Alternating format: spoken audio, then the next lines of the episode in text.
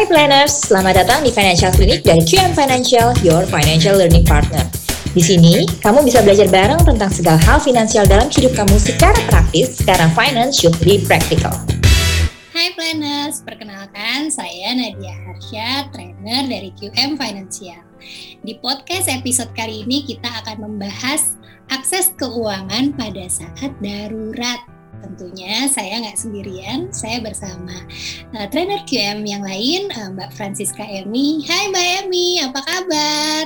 Halo Nadia, sehat-sehat. Nadia gimana? Sehat juga, Alhamdulillah.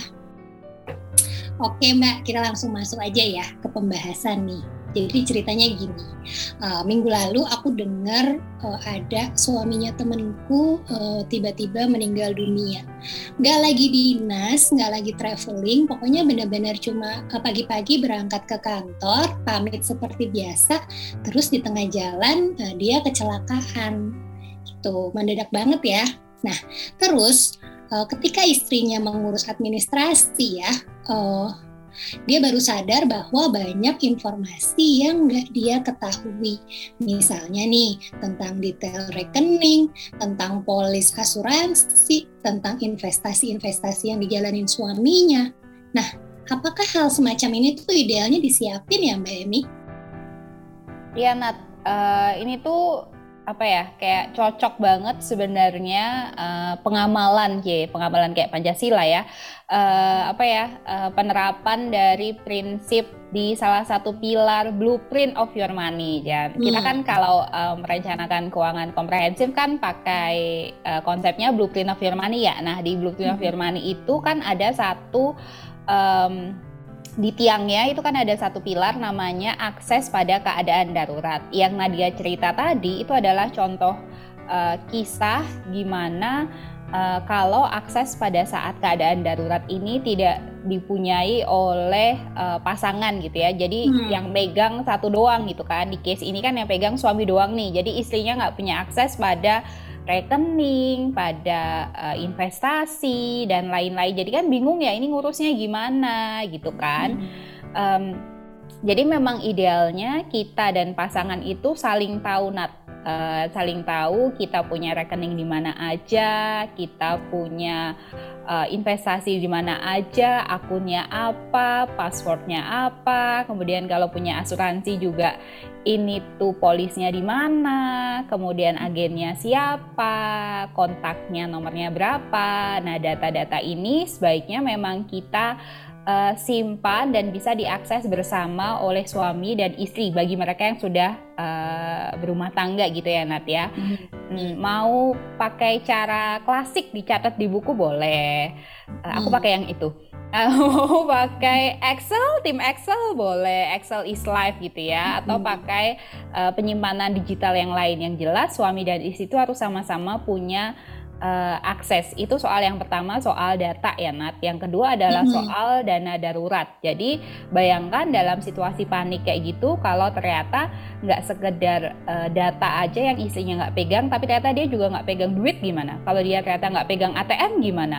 Uh, dana daruratnya semuanya uh, aksesnya uh, dipegang sama suami gimana kan dia nggak tahu nih cara ngambil duitnya gimana gitu kan ya maka idealnya dalam um, dana darurat itu kita uh, aksesnya kita bagi dua.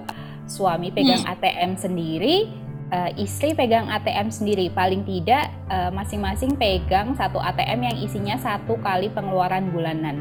Jadi kalau terjadi uh, sesuatu yang tidak diinginkan gitu ya, kita masing-masing hmm. bisa punya akses. Jadi kalau Nadia Nadia pegang ATM, Babeh pegang ATM gitu ya. Semuanya okay. harus punya akses yang setara. Sebenarnya aku eh, baru-baru uh, ini juga kok baru pandemi ini yang tadi membagi akses pada rekening, pada rekening bank maupun rekening investasi gitu ya. Yes.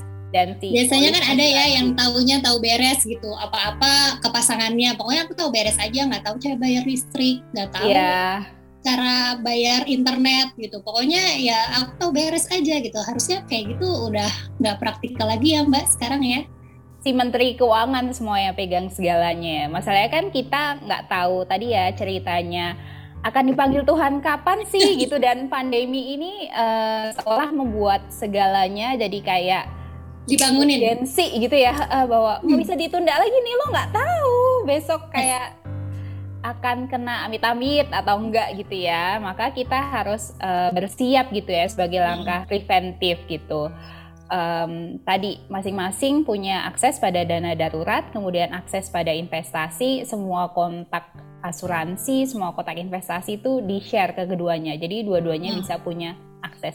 Tapi ada satu kisah lagi nih Nat. Uh, ini sesuatu yang baru dan aku pun belum melakukan langkah preventifnya ya.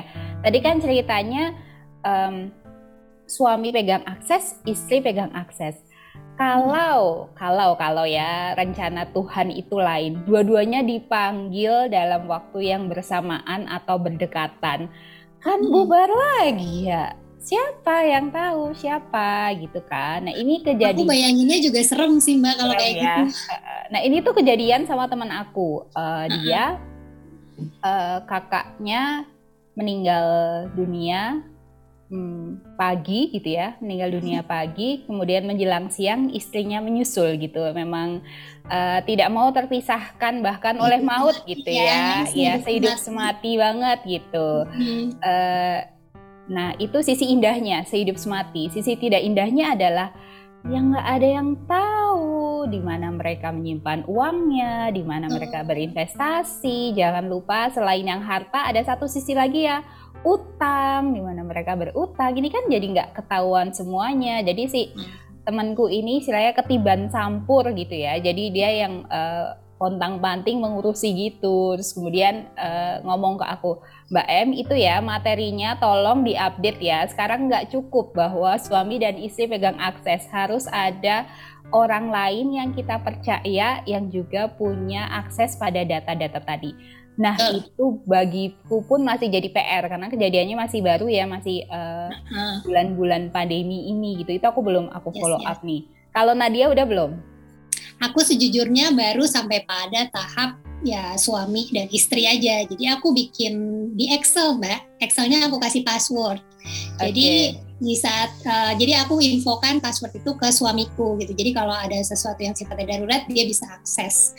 Di dalamnya berisi informasi-informasi di mana keuangan keluarga kita tuh ditaruh termasuk uh, aset-aset yang emang uh, jarang ditengok-tengok gitu. Kadang-kadang suka kelupaan kan ya kalau kita kayak gitu. Nah, emang PR selanjutnya adalah untuk mencari pihak ketiga yang kita percaya. Aku kebetulan sudah jadi pihak ketiga yang dipercaya sama abangku gitu. Oh, Jadi one day dia kirimin aku email, dia bilang gini, kalau terjadi apa-apa sama saya dan istri saya, eh, titip ya si anak ini, uang sekolahnya ke sini. Jadi di saat aku menerima informasi itu, aku bengong. oh my god, ternyata jadi orang dewasa kayak gini ya adulting is hard. Yes, gitu. Jadi mungkin aku akan melakukan hal yang sebaliknya yang abangku lakukan gitu. Jadi mungkin uh, aku masih menyusun dan masih nyari cara tegaknya ngasih informasi ini tuh gimana sih? Karena sejujurnya uh, ini berat loh. Iya, iya, iya. Benar-benar. Gitu. Nah, terus Mbak gini, uh, gimana sih caranya uh, kita itu memilih orang yang bisa kita percaya gitu untuk kita kasih amanat untuk menggenggam istilahnya hidup kita gitu. Kalau kamu tuh pilihnya gimana Mbak? Nah, uh, itu karena aku belum juga ya, jadi kan uh, belum melakukan juga tuh Nat. Tapi kalau mau uh, kita kita logika gitu ya, berarti seseorang yang ada di dekat kita. Misalnya tadi bisa kakak, bisa adik gitu ya, uh, dan atau bisa bisa bahkan mungkin sahabat baik ya uh, kan kadang uh, sahabat sahabat kita itu kan uh, tahu lebih banyak tentang kita daripada pasangan kita gitu ya curhatnya kan udah tidak ada Betul tidak ada yang ditutupi gitu ya. Jadi bisa bisa seperti itu. Um, aku juga terus terang belum memutuskan sih tapi uh, karena pembahasan ini uh, pembahasan akan podcast ini tuh membuat aku jadi mikir ulang hayo jangan ditunda lagi ya PR-nya yang itu ya diputuskan mau uh, siapa dan kapan untuk membuka akses uh, tadi. Karena ini memang masih sesuatu yang baru dan tadi ya berat gitu ya. Kayak kayak seolah-olah kalau kalau dulu kan kita dilemanya adalah um, mau beli asuransi jiwa kayak eh lo doain orang mati ya gitu ya. Kayak seolah-olah kayak gitu ya. Nah ini udah terlewati nih kan. Udah udah kita udah punya nih asuransi jiwa udah ada gitu. Ternyata level up lagi masalahnya. Tidak cukup asuransi jiwa kakak gitu ya. Ternyata akses pada berbagai dokumen finansial ini perlu kita percayakan tidak hanya pada pasangan tapi pada pihak uh, ketiga juga kalau kalau kita dan pasangan dipanggil di waktu yang bersamaan amit amit Amit-amit Mbak, pertanyaan sulit selanjutnya. Kira-kira kapan sih tepatnya kita bikin uh, dokumen uh, informasi akses saat darurat ini Mbak? Oke, uh, sebenarnya kan uh, dana darurat itu jadi salah satu satu apa ya salah satu fondasi gitu ya dari rencana keuangan kita. Berarti sebenarnya uh, akses pada dana darurat ini pun juga uh, sesuatu yang jangan sampai kita tunda ya Nat ya. Walaupun ya uh, stepnya banyak mulai dari yang tadi akses pada dana darurat dulu suami dan istri punya. Kemudian akses pada dokumen-dokumen keuangan suami dan istri pegang. Kemudian sekarang kita membahas yang level F-nya adalah uh, pihak ketiga yang bisa mengakses data-data tadi.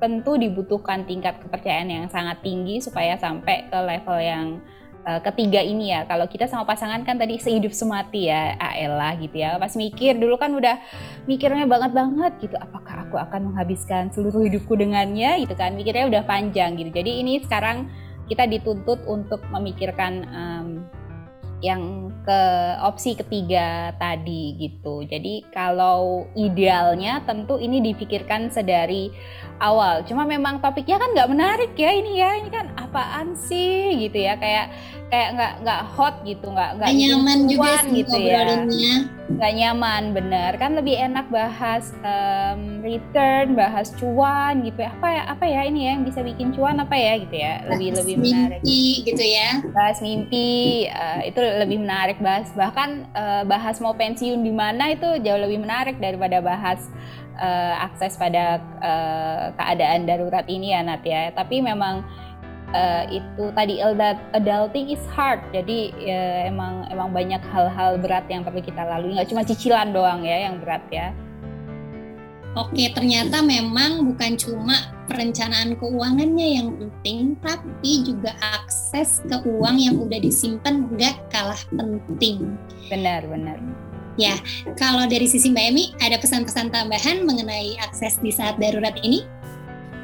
Um, apa ya mungkin selain kalau kita sudah memutuskan uh, mau memilih memberi akses pada siapa tadi ya kita juga perlu memikirkan uh, updatingnya ya Nat ya. Karena kan kita nambah-nambah terus ya. Ada kalau dalam rencana keuangan nggak berhenti di plan habis plan ada implementasi ada review. Jadi kalau kalau ada perubahan uh, di tengah jalan kita juga perlu mengupdate pada si um, pada si dokumen ini tadi ya misalnya tadi uh, ternyata jadi tuan tanah oh tanahnya nambah gitu ya uh, perlu diupdate atau misalnya uh, kita uh, ganti provider asuransi itu juga akan perlu uh, diupdate. Jadi kalau dalam review um, atau review rencana keuangan atau financial check up kita kan biasanya saraninnya minimal setahun sekali. Maka bisa jadi ini uh, barengan Jadi penting untuk kita review termasuk review untuk keamanannya eh, keamanan si dokumen tersebut gitu. Nggak lucu kan ya kalau misalnya dokumennya tuh uh, udah kita simpan terus jadinya bocor ke, ke tangan yang uh, bukan dituju gitu. Itu kayaknya harus kita antisipasi juga sih Mbak Emi. Iya ya, ada ada isu uh, keamanan data berarti di sini. Kok jadi ke mana-mana ya ternyata ya pembahasan ini ya. Iya dong, jadi kayak emang uh, dokumennya penting untuk disiapin, penting untuk direview, tapi jangan lupa kita juga penting untuk memastikan bahwa penyimpanannya aman. Mbak Emi, kan tadi kita udah ngobrolin ya tentang akses pada saat darurat, termasuk tentang uh, memberikan informasi kepada pihak ketiga yang kita percaya. Kalau terjadi apa-apa antara kita dan pasangan itu barengan. Gitu Nah, tapi sebelumnya nih aku ajak mundur lagi deh. Uh, sebelum uh, sebelumnya kan kita emang harus punya komunikasi dulu ya sama pasangan. Dan uh, menurut saya ini topik bukan topik yang mudah untuk dibicarakan. Nah, gimana sih ya Mbak tips and trick untuk memulai ngomongin ini sama pasangan? Oke, jadi uh, kita mulai membangun kebiasaannya supaya ngobrolin finansial sama pasangan itu jadi seru, bukannya buntu. Jadi mulainya dari ngobrolin yang indah-indah, ngobrolin mimpi-mimpi tadi ya kalau Nadia bilang ya gitu. Jadi bisa mulai dengan ngobrolin mimpi-mimpi yang indah-indah. Ah, kita di sini mau liburan ke mana ya? Border udah mau buka nih gitu ya. Ngobrolin yang indah-indah uh, atau ngobrolin yang uh, remeh-temeh yang harian. Uh. Misalnya ngobrol sama Babeh, Beh, um, ntar uh, kita tukeran peran yuk beh. Yang bayar uang sekolah gimana kalau babe aja? Aku gantian yang bayar listrik sama internet deh beh gitu. Uh, dalam keluarga kan ini uh, jadi sesuatu yang uh, apa ya jadi sesuatu yang umum dibicarakan gitu. Dan itu bukan suatu proses yang uh, berhenti atau sekali jadi gitu ya. Jadi nggak statis ini dinamis. Kayak dulu aku waktu awal-awal menikah gitu ya pembagian perannya adalah um, suami aku yang bayar listrik dulu terus dia uh, pelupa ya. Jadi kita dapat surat teguran dari PLN ah, telat bayar kamu lupa bayar listrik. Hmm gitu. Jadi eh, nggak uh, cuma sekali kejadiannya jadi habis itu aku ambil alih. Jadi akhirnya semua transaksi uh, aku yang pegang. Beliaunya cukup setor aja. Cukup setor. lamsam uh, aku langsung atur uh, bulanannya. Dan ini kan uh, prosesnya kan um, tadi ya dinamis gitu ya. Bisa hmm. jadi nanti gantian gitu ya. Bisa jadi nanti gantian perannya berganti gitu. Jadi bahkan untuk yang simpel-simpel kayak bayarin SPP siapa yang bayar hmm. SPP siapa yang uh, setor investasi uh, siapa yang bayar misalnya uh, belanja bulanan gitu. Itu sesuatu yang jadi uh, usahakan jadi biasa aja gitu ngobrolin kayak gitu tuh biasa aja gitu. Baru nanti tapi kejadian tuh mbak di aku. Jadi dulu tuh ya urusan listrik dan isi token itu urusan suamiku aku nggak pernah tahu sama sekali. Terus one day dia lagi dinas. Terus tokennya nyala. Terus aku nggak tahu cara isinya dan aku harus telepon interlokal demi uh, gimana cara isi token listrik? Itu nyebelin banget sih. Jadi sejak saat itu aku jadi kayak wake up call untuk tahu hal-hal yang walaupun remeh temeh jadi perannya itu ya peran istri sama peran suami itu sama-sama bisa dua-duanya gitu loh. Oke okay, oke okay, oke. Okay. Hmm. Jadi uh, jadi uh, punya uh, walaupun mungkin bukan perannya tapi paling nggak tahu gimana caranya yes, gitu betul, ya. Betul, itu betul. ya itu itu juga jadi salah satu salah satu topik bahasan gitu. Jadi mulai dari yang operasional harian gitu yang remeh-temeh lalu bahas mimpi yang indah-indah. Kalau udah terbiasa ngomongin yang operasional harian, udah terbiasa ngomongin yang mimpi, barulah mulai masuk ke topik yang susah-susah tadi. Hmm. Jadi hmm. memang komunikasinya nggak bisa uh, mak jegagi gitu ya. bahasa Indonesia mak jegagi. Tapi kamu paham kan mak jegagi kan? Jadi nggak bisa ujuk-ujuk. Nah, itu juga bukan bahasa Indonesia. Jadi um, nggak bisa tiba-tiba kita berharap kita sama uh, pasangan lancar ngobrolin finansial mulai yang kayak uh, langsung yang susah-susah gitu kan. Um, yes. Jadi kita mulainya dari yang mudah, yang dijadikan kebiasaan. Jadi ngobrolin duit itu biasa aja gitu ya. Yes, yes, yes, yes. Penting, penting, penting. Nah, uh, terus uh, selain itu ya Mbak, jadi menurut aku ya um, hal yang uh, bagaimana kita kenal pasangan sih menurutku juga penting gitu. Jadi uh, jangan kita uh, kita tuh mesti pinter-pinter untuk milih timing gitu ketika ngobrolin hal sulit gini gitu. Jangan kondisinya lagi nggak nyaman, kondisinya lagi banyak pikiran, terus tiba-tiba, eh aku habis dengerin ini katanya kita harus bikin uh, list untuk kondisi darurat. Sini cepetan nomor rekening kamu, berapa passwordnya? Ya nggak gitu ya ngobrolnya ya. Kayaknya emang mesti dalam kondisi yang dua-duanya lagi santai, dua-duanya nggak emosi, nggak pakai urat gitu ya ada kencan finansial ya, ada okay. kencan buat ngobrol, ngobrolin yang susah-susah bagian yang susah-susah. Kalau ada terbiasa ngobrolin yang indah-indah dan yang mudah-mudah, buat yang susah-susah kita set uh, ngedate khusus kapan? Coba terakhir kali ngedate sama pasangan gak diganggu anak ya? Udah lupa ya kak udah ya lupa. gitu. ayo silakan dijadwalkan ya teman-teman ya. Oke siap. Berikutnya mbak. Aku tuh uh, mau cerita ketika uh, ngobrolin soal membagi informasi. Emang kadang-kadang orang tuh mesti kesandung dulu. Jadi kan tadi aku cerita ya kalau abangku memberikan informasi akses darurat uh, ke aku gitu ya lewat email. Nah sebelumnya kejadiannya adalah dia kena COVID sekeluarga gitu. Okay. Itu wake up call banget kayaknya. Uh, waktu itu COVID lagi tinggi-tingginya bulan Juni atau bulan Juli ya yang second wave kemarin. Uh, dia kebetulan kena sekeluarga uh, dan kondisinya tuh uh, lumayan uh, lumayan berat gitu uh, sampai harus dirawat di rumah sakit gitu. Mungkin itu adalah uh, turning point-nya untuk kita uh, jadi sama-sama pengingat untuk uh, memberikan informasi dalam kondisi darurat kepada orang yang kita percaya. Jadi mungkin saat itu yang yang ada di pikirannya dia, kalau gue kenapa-napa, kalau gue nggak selamat, uh, aku percayakan urusan anakku uh, dititip ke kamu gitu ya. Jadi itu berat ya Nat ya berat, berat banget jadi waktu itu ya stresnya double gitu jadi tahu tahu dia lagi sakit terus tiba-tiba aku ditelepon dia bilang gini aku minta tolong sama kamu ya. Nanti aku akan kirimkan eh, dokumen-dokumen. Tenang aja nanti passwordnya aku kirim terpisah. Jadi kalau harus buka itu pakai password passwordnya aku kirimin terpisah. Dan itu ngomongin akses pada saat kalau dia eh, ternyata tidak bertahan saat itu. Kan serem ya stres banget waktu itu. Tapi justru uh, ini jadi pelajaran ketika akhirnya dia sembuh jadi aku tuh berpikir bahwa oh ya kita nggak perlu nunggu situasi darurat dulu sih untuk ngurusin hal ini gitu. Benar-benar. Nggak harus ngalamin sendiri ya. Iya jadi sendiri. emang pas kejadian itu tuh bener-bener kayak aduh stres banget, aduh deg-degan. Kalau beneran, jadi gini, di satu sisi aku mikirin uh, uh, kondisinya dia, kondisi sakitnya dia. Di sisi lain kayak kalau worst case scenario ini kejadian, aduh berat sekali hidupku gitu kayaknya. Hmm, kayak menanggung amanah gitu ya. Betul, dan aku juga kayak ngerasa kayak dan ini bukan nggak mungkin kejadian sama aku dan keluarga aku. Jadi ya sejak saat itu aku ngerasa kayak life is so fragile gitu, bener-bener hidup tuh nggak ada yang tahu. Jadi ini tuh jadi super penting untuk disiapkan.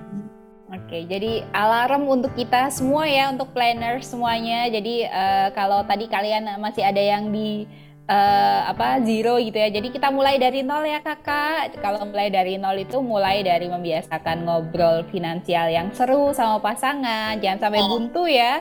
Ini ada di YouTube-nya QM nih, ada di YouTube-nya QM ngobrolin finansial bareng pasangan seru atau buntu. Semoga punyamu seru juga ya. Nah, kalau udah membiasakan diri ngobrol uh, finansial sama pasangan gitu, lalu yang kedua bisa um, mulai membagi akses pada keadaan darurat. Mulainya dari dana darurat dulu deh, paling nggak tadi hmm. pasangan punya uh, pegang satu kartu ATM, kita pegang satu uh, kartu ATM yang masing-masing berisi satu kali pengeluaran bulanan. Kalau sampai ada apa-apa, kita masing-masing punya aksesnya.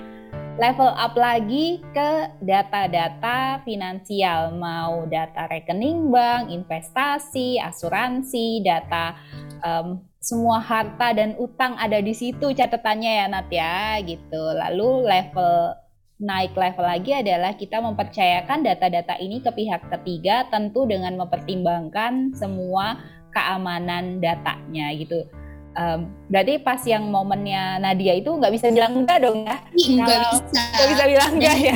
Oh udah ditodong gitu. Jadi benar-benar uh, aku ketemu situasi di mana uh, aku harus menghadapinya uh, walaupun itu rasanya super stres tapi nggak ada cara lain selain dihadapin nggak bisa nolak dong gimana harusnya ya. kalau nolak gitu ya berarti privilege kita sekarang karena kondisinya uh, sehat gitu ya normal hmm. kita privilege-nya adalah sekarang bisa mikir dengan jernih gitu ya bisa bisa uh, apa mereka si data-data tadi terus bisa memilah siapa ya kira-kira yang akan dipilih sebagai pihak ketiga ini. Bayangkan kalau dalam keadaan lagi sakit gitu kakaknya Nadia berarti asumsinya dia udah punya dong ya listnya. Bayangkan kalau dia sakit masih harus mikir-mikir nyari datanya kan nggak bisa kan lagi dirawat berarti. Nah makanya mbak aku tuh suka anjurin temen-temenku yang baru mulai atur keuangan tuh ikut FCOS kelas cash flow. Kita kan dapet ya formulir data keuangan tuh.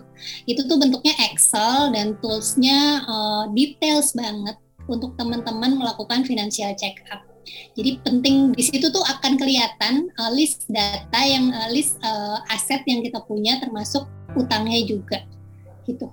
Jadi itu menurutku tools yang sangat ngebantu sih Mbak kalau emang kita mau bikin uh, inventarisir aset dan utang yang kita punya. Gimana? Okay. Kalau Mbak Emi gimana? Jadi bisa ini ya bisa kayak insert column di sebelahnya aset oh ini asetnya rekeningnya ada di mana yes. uh, banknya apa akunnya apa passwordnya berapa gitu ya um, aku waktu itu nulisnya manual nat. Jadi aku nulis di suatu buku gitu ya di suatu buku gitu. Kemudian uh, aku kasih ke suamiku. Waktu itu ya memang di tengah-tengah pandemi yang segalanya serba kayak tidak pasti gitu ya. Uh, jadi aku menulisnya secara manual. Tapi bener banget tadi yang Nadia bilang bahwa kita bisa memanfaatkan apa yang kita dapat dari Financial Clinic Online Series. Uh, kita dapat suatu form namanya form data keuangan, udah komplit, plit, plit, plit, semuanya ada di situ. Jadi teman-teman bisa mengisi datanya supaya nggak ada yang singsal gitu ya, nggak ada yang ketinggalan. Hmm, betul. Nggak ada yang ketinggalan di sana gitu karena memang kita tuh nggak bisa uh, mengandalkan ingatan kita sih mbak kalau menurut aku untuk hal ini ya karena biasanya makin uh, makin uh, lama fase nikah gitu kan ap apalagi kan karir kita berkembang income kita nambah biasanya kan uh, yang kita punya tuh biasanya akan makin kompleks gitu aset yang kita punya biasanya makin kompleks. Nah, menurutku memang nggak uh, ada salahnya untuk terus menerus uh, evaluasi dan update sekarang asetnya ada di mana aja dan berapa aja. Jangan sampai udah punya pulau nggak kedata gitu loh. Iya iya iya iya iya. Ternyata tuan tanah ya ada di mana-mana hmm, gitu. Ternyata tuan tanah. Gitu. Oke, okay. itu juga jadi bahasan yang menarik Nat uh, di uh, YouTube-nya QM nanti akan ada tuh hartamu, hartaku, harta kita gitu. Jadi bagaimana kita uh, membagi akses data harta dan juga utang pada uh, pasangan supaya jelas nih statusnya gimana.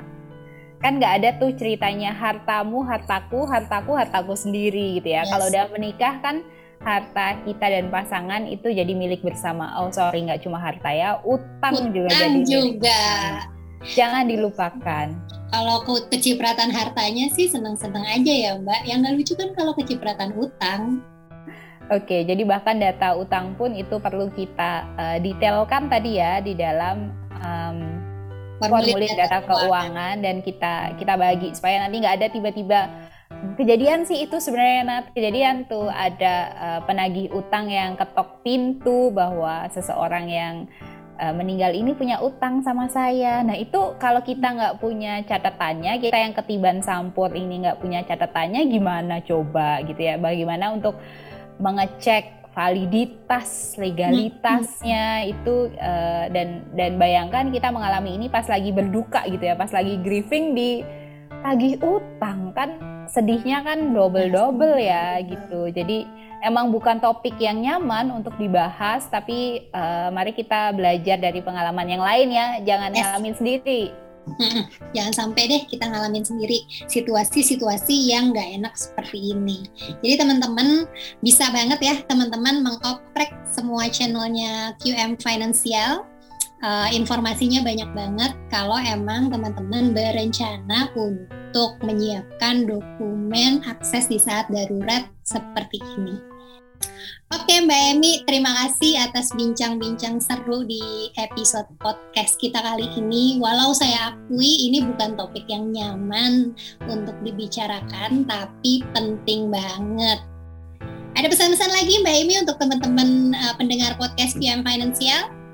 Super penting ya Nat ya. Super super penting. Jadi uh, kita mengalami bahwa ternyata belajar finansial ini proses yang memang berlangsung terus-menerus. Selalu ada hal baru yang kita uh, pelajari dan kalau hal-hal itu hal-hal yang kurang nyaman, kurang menyenangkan dan kita bisa belajar dari pengalaman orang lain betapa privilege-nya kita ya. Jadi kalau sekarang udah ada banyak sekali wake up call di masa pandemi. Kita disadarkan betapa pentingnya punya uh, akses pada keadaan darurat. Dan silahkan teman-teman bisa mulai level up dari mana pun teman-teman mulai saat ini. Mulai dengan membagi akses pada dana darurat kemudian merecap semua aset tabungan, investasi, asuransi, utang di dalam formulir data keuangan yang aksesnya dibagi dengan pasangan dan diperhatikan keamanan datanya.